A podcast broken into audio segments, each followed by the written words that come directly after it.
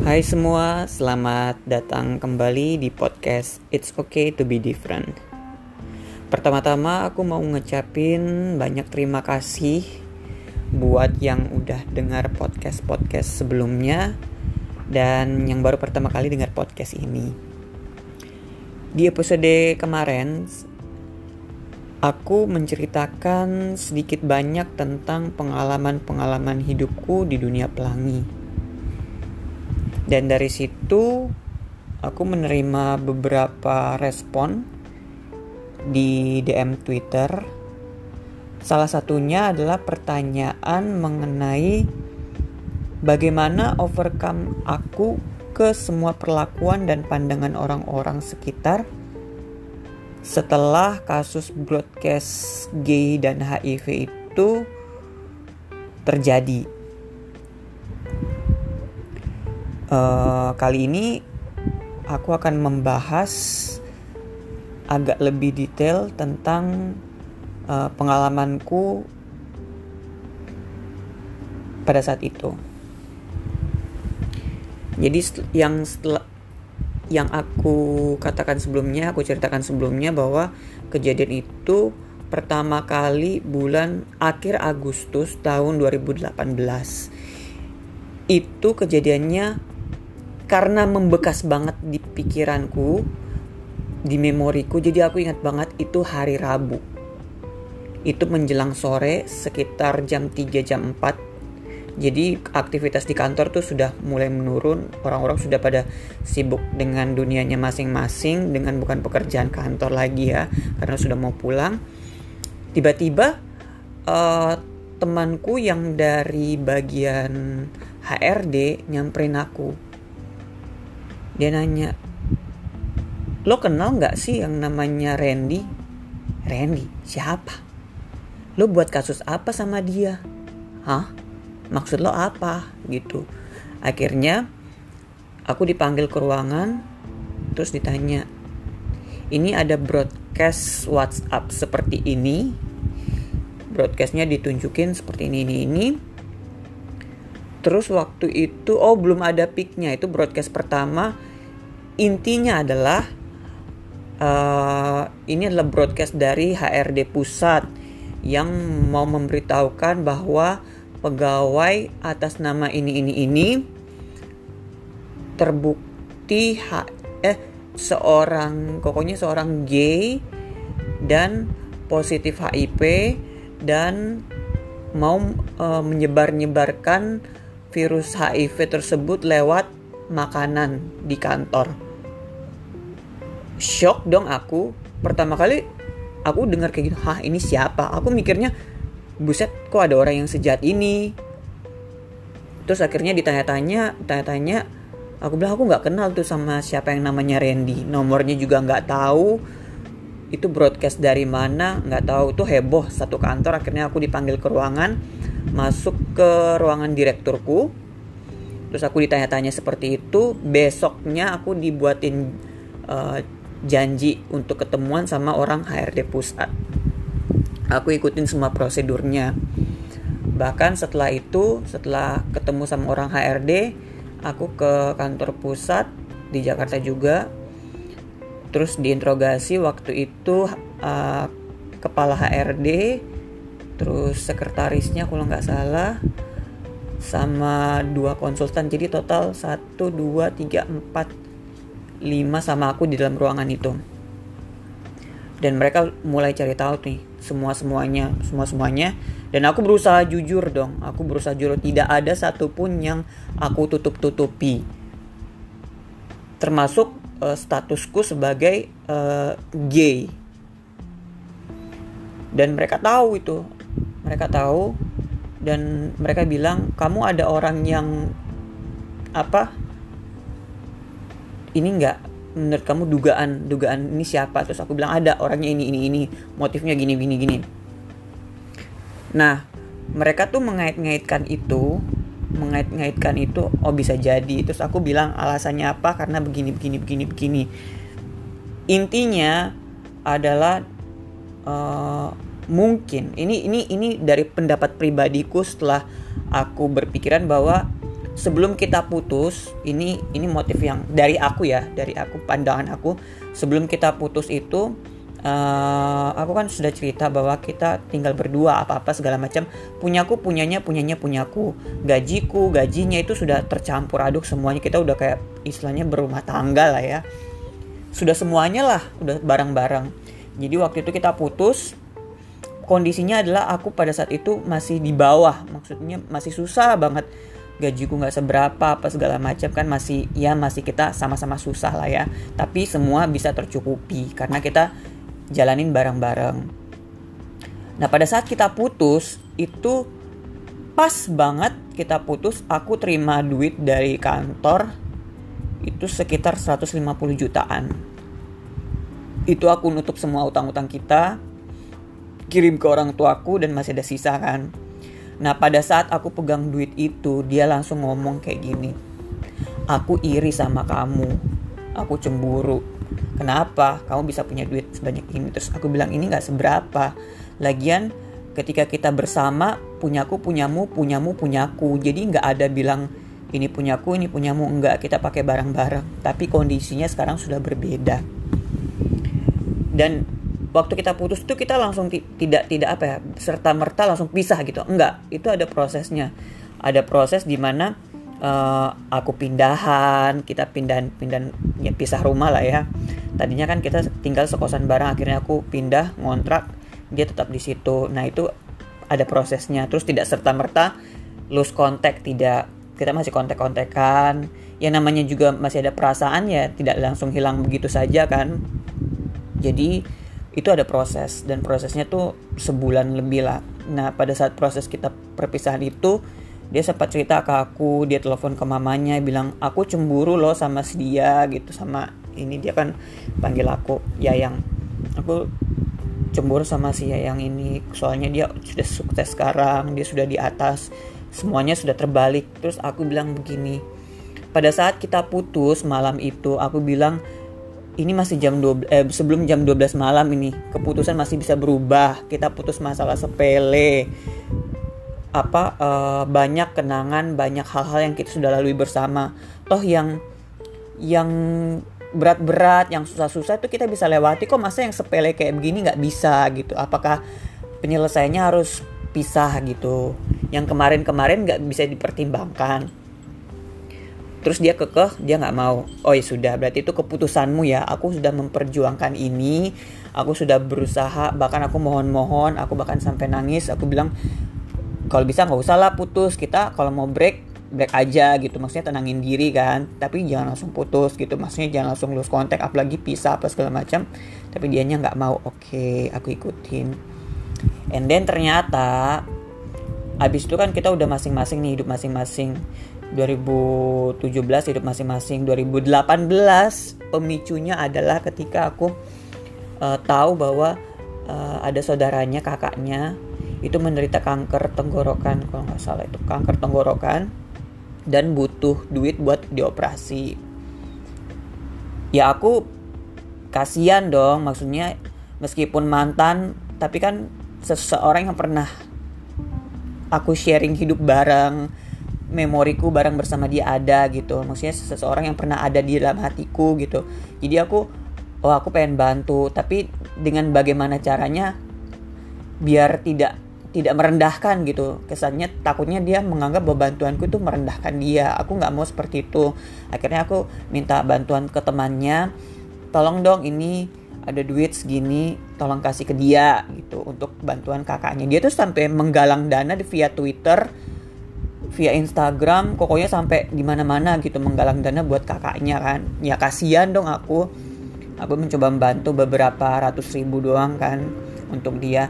Tapi ternyata ternyata mungkin di pikirannya mungkin aku apa ya kesannya merendahkan dia. Aku nggak tahu pikirannya apa. Katanya dia nggak mau terima duitnya itu. Oke okay, nggak apa-apa. Next berikutnya adalah kita nggak sengaja ketemuan di CFD CFD di depan di dekat Bundaran HI lah di depan Hotel Niko kalau nggak salah itu. Kita ketemuan dari situ aku kan sudah jalan sama uh, pasanganku yang baru sama pacarku yang baru dan dia tuh sendiri. Kebiasaan kita dulu waktu CFD CFD berdua dia tuh suka ngegendong aku pokoknya suka apa menunjukkan kemesraan gitu sama orang. Terus kan aku akunya tuh yang eh, jangan terlalu kayak begini lah ini kan di tempat umum gitu. Dia tuh suka kayak kayak gitu. Tiba-tiba ngerangkul aku tiba-tiba ayo kamu sini aku gendong sampai ke sana. Ya hal-hal seperti itu. Dan ketika mungkin ketika dia lihat itu padahal aku cuma jalan biasa sama uh, pasanganku yang sekarang ini kan. Tapi dia tuh nganggapnya mungkin cemburu kali ya. Jadi kita tuh cuma ngeliat-liatan aku cuma senyum dia juga cuma senyum. Oke okay. sampai di situ. Just it.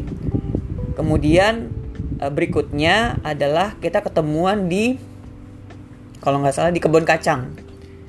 Di kebun kacang tuh ada warkop gitulah ketemuan. Ternyata dia kita ketemuannya tuh malam minggu.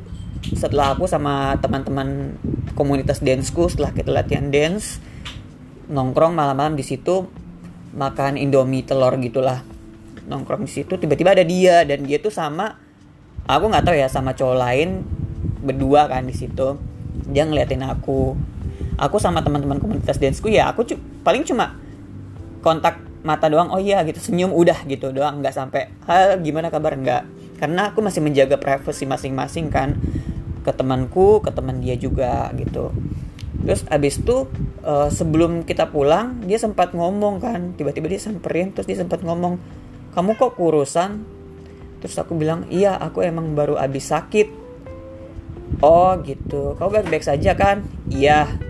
Makasih udah sampai di situ. And then ternyata aku nggak tahu. Aku selama satu tahun satu tahun itu ya kita udah tahu lah karakter kita masing-masing ya kurang lebihnya. Karena tinggal serumah setiap hari ketemu udah tahu karakter seperti apa sifat seperti apa. Jadi aku tahu apa yang di pikiran dia gitu kan. Flashback lah dia ke masa-masa lalu kemarin. And then terjadilah hal itu pada saat itu hari Rabu itu mau gajian. Masuklah WhatsApp seperti itu. Aku dipanggil ke HRD diinterogasi bahkan dites dua kali HIV waktu itu ke rumah sakit Cipto. Dites di situ.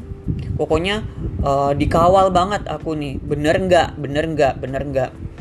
Terus abis itu uh, pergi ke kantor polisi nanya-nanya kan ini gimana gimana nih?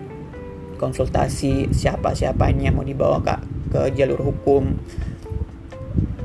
Tapi akunya itu yang nggak usah deh karena aku pertimbangannya aku nggak mau membesar-besarkan masalah. Apalagi isu LGBT itu sensitif banget. Yang cuma berantem biasa aja bisa jadi gede.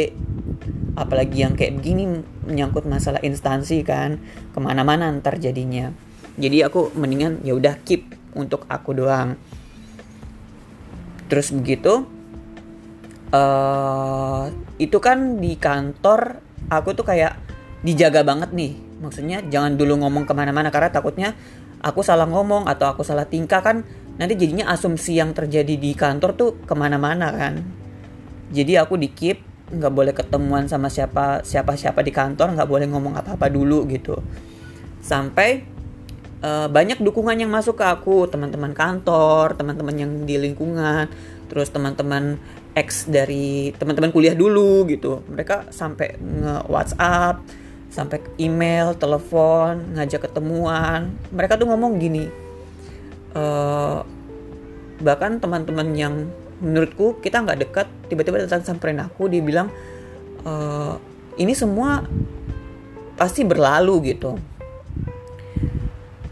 Kamu pernah nggak? Kamu tahu nggak kasus uh, anggota DPR yang video pornonya kesebar? Kamu ingat nggak mukanya kayak gimana? oh ya iya ingat sih. YZ YZ itu nggak? Iya itu. Masih ingat nggak kayak gimana mukanya? Enggak. Ya gitu ini semua pasti akan berlalu. Ini semua pasti akan berlalu. Tinggal waktu aja yang membuktikan. Tinggal kuat-kuatan kuat-kuatan aja kamu gitu. Kamu bisa nggak menjalanin ini toh ini bukan suatu tindakan kriminal kamu nggak nggak membuat tindak pidana gitu membunuh atau mau apain orang kayak nggak kan kamu pure difitnah seperti ini. Kami tahu kamu bukan orang yang seperti itu. Dan menurutku di sini adalah bahwa sebenarnya mereka tuh juga masih apa ya pemikirannya benar atau enggaknya kan karena mereka kalau misalnya aku bilang aku gay itu keluar dari mulut aku berarti aku mengiyakan kan? Tapi gini aku bukan denial terhadap diri aku enggak. Tapi aku menjaga sekelilingku.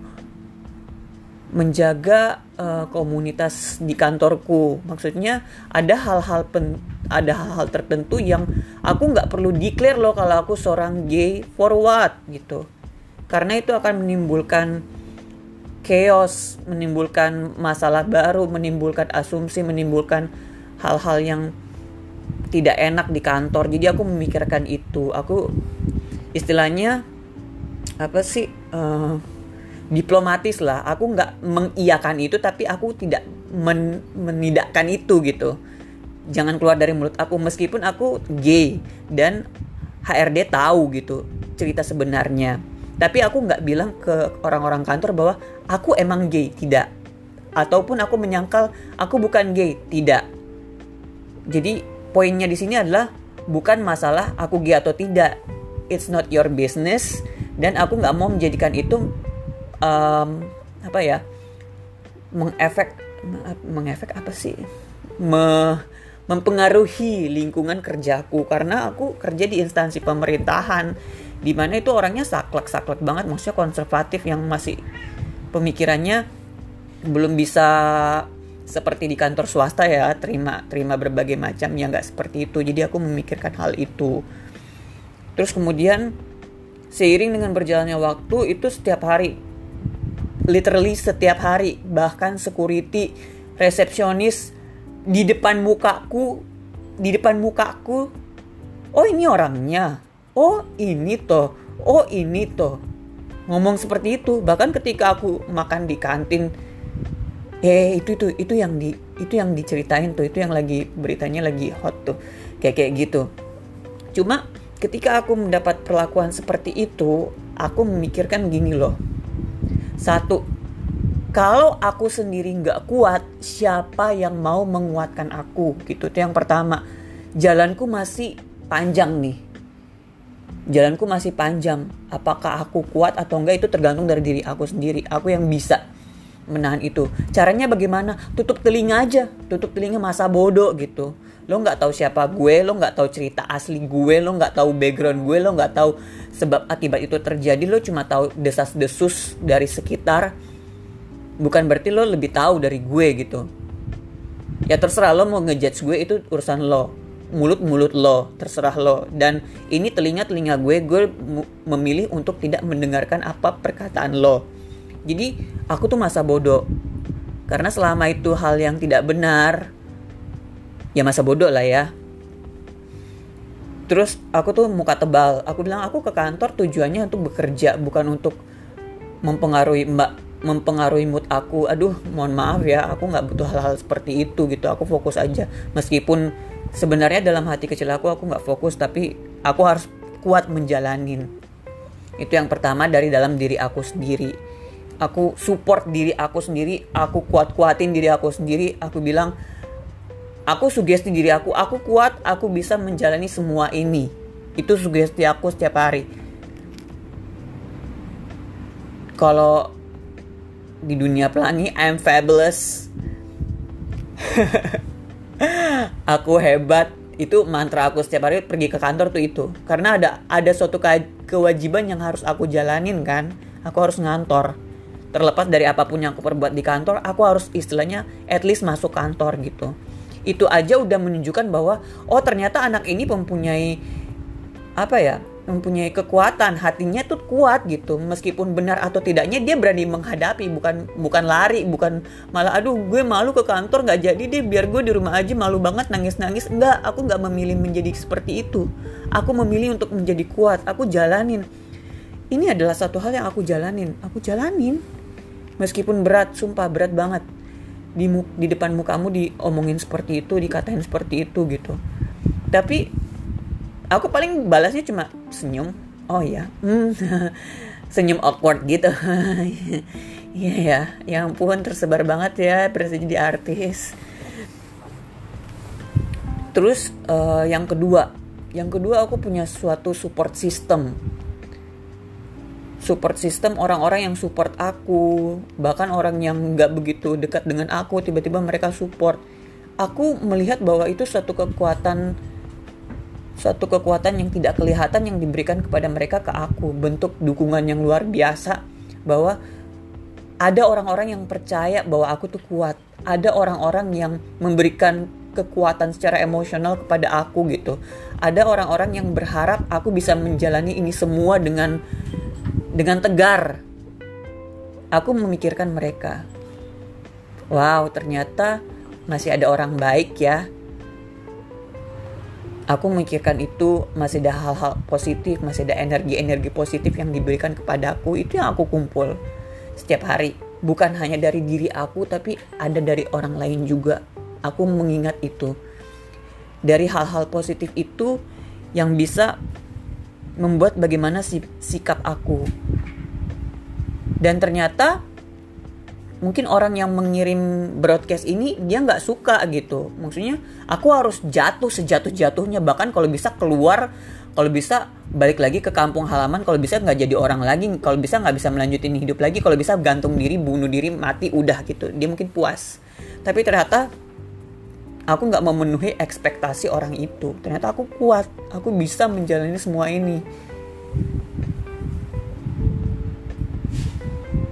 dan aku masa bodoh dengan pandangan orang-orang seperti apa. Toh awalnya juga aku masuk ke kantor banyak yang nggak suka sama aku.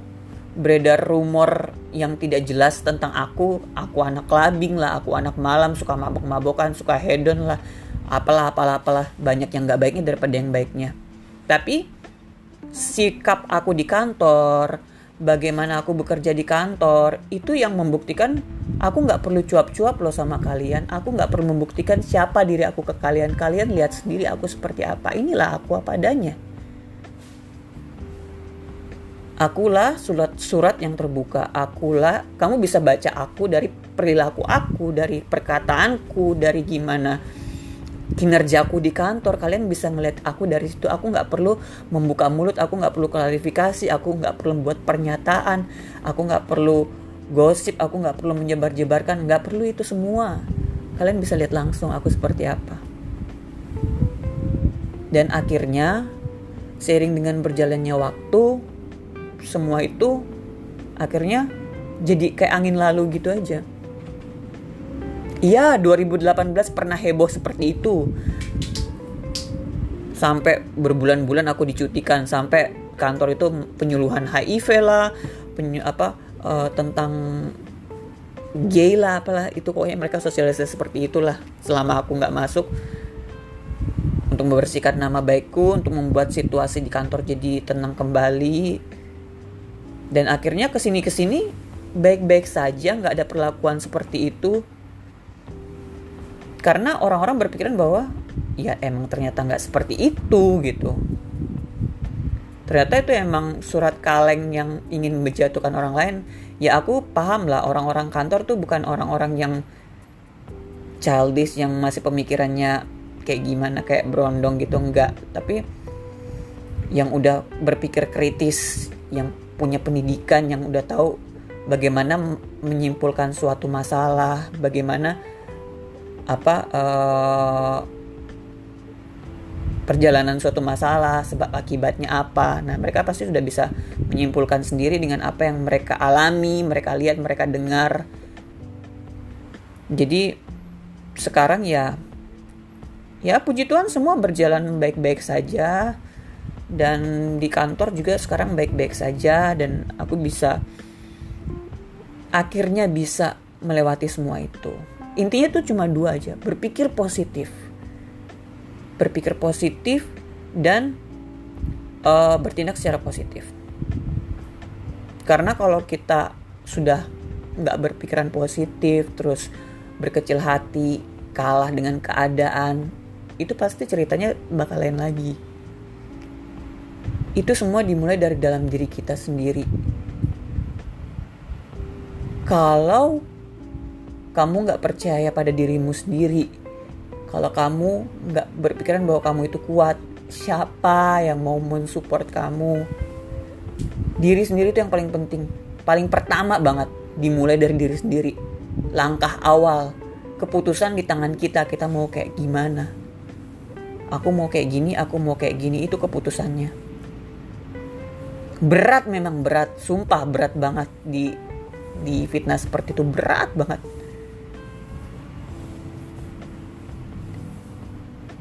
tapi ada pepatah bahwa setelah hujan pasti ada pelangi kan nah itu aku berpikiran ke situ terus maksudnya apa ya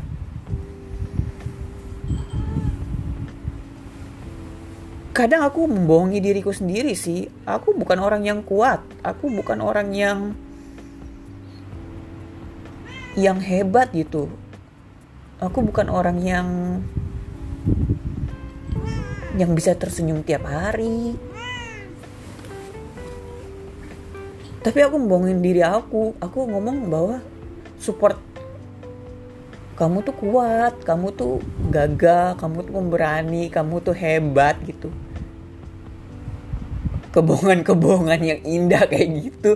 Tapi itu membantu banget sih membantu banget sumpah membantu banget. Ketika setiap bangun pagi ngomong you're good. Kamu tuh hebat. Kamu tuh berharga. Kamu tuh ganteng kata-kata kalimat-kalimat positif seperti itu made my day sih Nah itu yang membantu aku bisa melewatin saat-saat terburukku. Di samping mendekatkan diri sama Tuhan, minta pertolongan suatu zat yang tidak kelihatan, meminta perlindungan dari sebuah kekuatan yang kita percayai ada Tuhan kita masing-masing. itu yang membuatku bisa melewati semua ini. Ya, mungkin itulah jawaban dari pertanyaan bagaimana aku bisa melewati ini semua. Dan semoga ini bisa membantu apa pun masalahnya. Apa pun bukan hanya masalah ini doang. Mungkin kita nerima fitnah atau nerima hal-hal yang buruk dalam perjalanan hidup kita gitu ya. Support diri kita dulu support diri kita. Yakinkan diri kita bahwa kita tuh kuat kita tuh tegar kita tuh bisa melewati ini separah apa pun itu separah apa pun masalah apa pun itu. Support diri kita dulu. Terus kita mencari perlindungan mencari pertolongan dari suatu sumber kekuatan suatu zat yang kita tidak lihat yang kita percayai bahwa dia itu ada minta pertolongan Tuhan dan kemudian dengarkan energi-energi positif yang diberikan kepadamu dari sekelilingmu. Siapa pun itu. Even peliharaanmu, kucingmu, anjingmu, burungmu, ikanmu, yang bisa membuatmu tersenyum, saudara-saudaramu, orang tuamu, teman-temanmu, atau bahkan orang yang nggak kamu kenal gitu tiba-tiba datang ngasih senyum kek, ngasih pelukan kek, itu energi yang positif yang bisa kamu pegang. Dan itu berhasil buatku dan bisa juga berhasil dalam kamu mengatasi apa pun permasalahan pribadimu menyangkut dunia pelangi ini atau yang pada umumnya lah.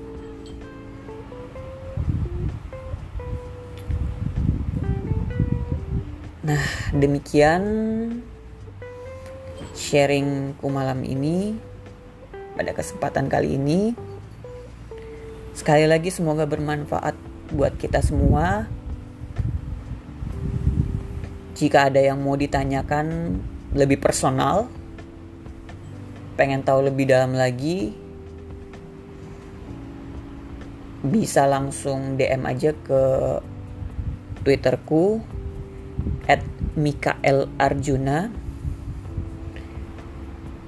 Nggak perlu di follow mungkin ada yang takut ketahuan atau akun alter atau nggak pengen identitasnya tahu it's okay nggak masalah. Dan sampai ketemu di podcast podcast berikutnya. Selamat beristirahat dan goodbye